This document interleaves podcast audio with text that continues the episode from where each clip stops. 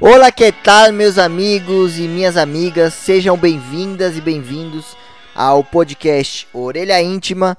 E hoje vai ser um podcast um pouco diferente, certo? Hoje nós vamos falar de nenhum assunto. Na verdade, hoje será um podcast apenas para te ensinar uma técnica de ansiedade, uma técnica para combater uma crise de ansiedade.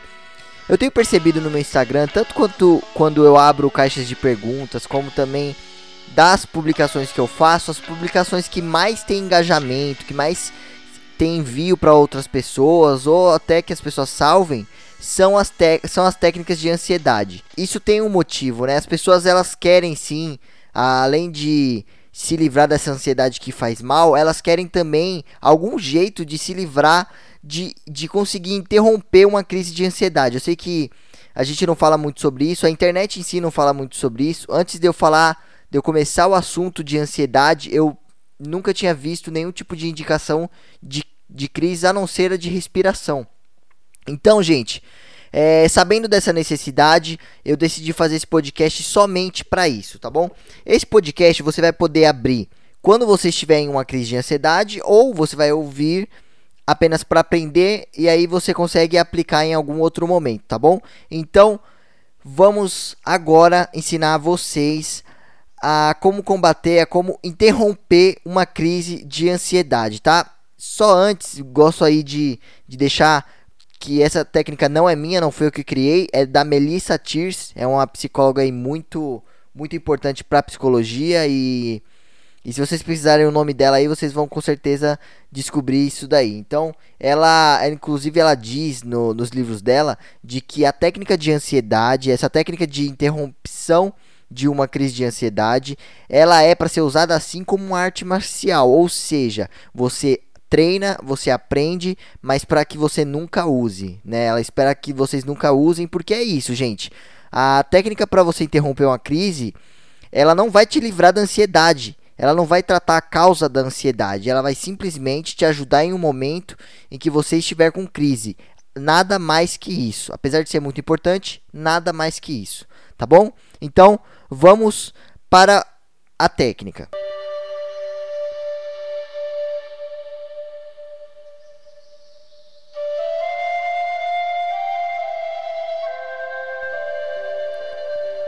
Com os olhos abertos, você agora vai olhar um ponto acima da sua cabeça e vai continuar olhando o ponto até o final desse exercício, tá bom? Então, eu vou te dando indicações ao longo desse exercício e você permaneça todo momento olhando para esse ponto específico acima da sua cabeça. Então vamos lá. Pode fazer isso agora, se você estiver fazendo. Agora olhando para esse ponto, você vai começar a imaginar, vai começar a perceber como a sua visão periférica vai aumentar. Permaneça fixada nesse ponto, mas aumente a sua visão. Você vai começar a perceber mais coisas ao seu redor. Começa a olhar os objetos sem desfocar desse ponto, tá? Vai aumentando aos poucos. Você vai perceber que a sua visão ela vai aumentar para todos os lados, em cima, embaixo, de um lado, do outro. Vai expandindo. Vai expandindo cada vez mais a sua visão.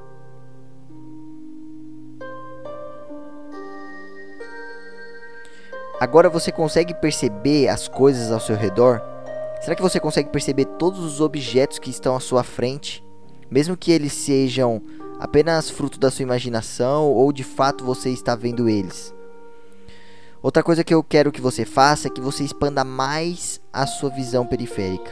Então, você vai começar agora a imaginar quais são os objetos que estão atrás de você. Será que você consegue imaginar e lembrar de todos? Faça esse teste agora. Vai olhando todos os móveis do seu cômodo. Vai olhando todos os objetos do seu cômodo e não esqueça, você permaneça olhando para aquele ponto específico, aquele ponto do início da atividade, certo?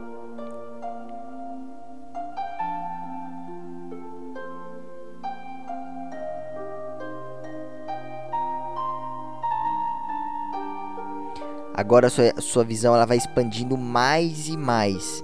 Agora você já consegue ver outros cômodos, ou dependendo de onde você estiver, você consegue ver até a rua. Será que você consegue imaginar todos os móveis, todos os objetos nos outros cômodos ao seu redor? Será que você consegue imaginar o quão longe está indo a sua visão? Você consegue abranger tudo só nesse olhar?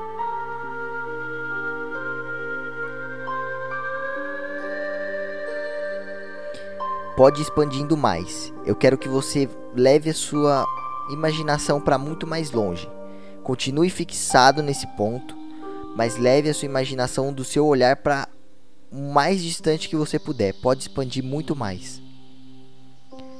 Bom, agora eu vou pedir para você ir diminuindo a sua visão periférica. Vai retornando a sua visão periférica aos poucos.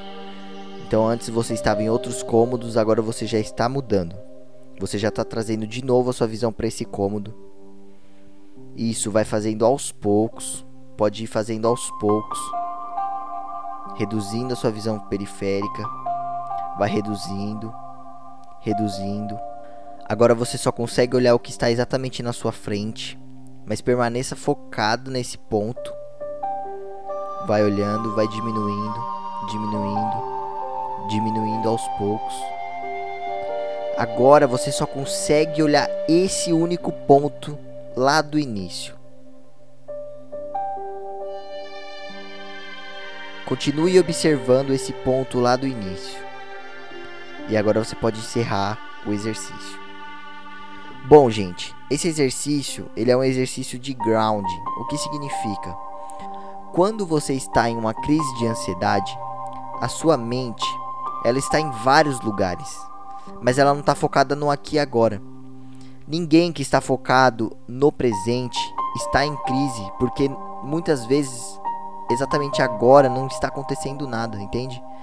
Às vezes a gente tem a percepção de risco na crise, só que naquele exato momento, às vezes a gente está no nosso quarto, ou no metrô, ou no nosso trabalho, mas muitas das vezes o, o risco não está sendo naquele momento. A gente está pensando no risco, no possível risco, de algo que já passou ou de, que, ou de algo que vai acontecer. E por isso a técnica de ground é importante, porque ela traz você pro agora. Então, toda essa didática para fazer você imaginar é para fazer você voltar para agora, tá? Eu quero que, se você fez essa técnica comigo, ou se você se, simplesmente ouviu para fazer em algum outro momento, comenta comigo depois se deu certo, se não deu. E aí eu quero saber como foi para você. Uma coisa que eu quero deixar claro é que assim, existem várias técnicas para, para controle de ansiedade, para controle de crises de ansiedade. Algumas as pessoas se adaptam, outras pessoas não se adaptam. Vocês viram que nessa a pessoa precisa se entregar à questão da imaginação. Então, eu que sou um cara muito cético, eu entendo o quanto é difícil você tentar imaginar coisas, né? Então, é, se essa técnica não der certo com você, não fique, não fique preocupada porque essa técnica é, é, é, só uma das muitas que existem, tá? E aí ao longo do, dos dias eu vou eu vou passando mais para vocês, tá bom? Gostou desse podcast? Gostou desse modelo de controle de ansiedade mandando por áudio?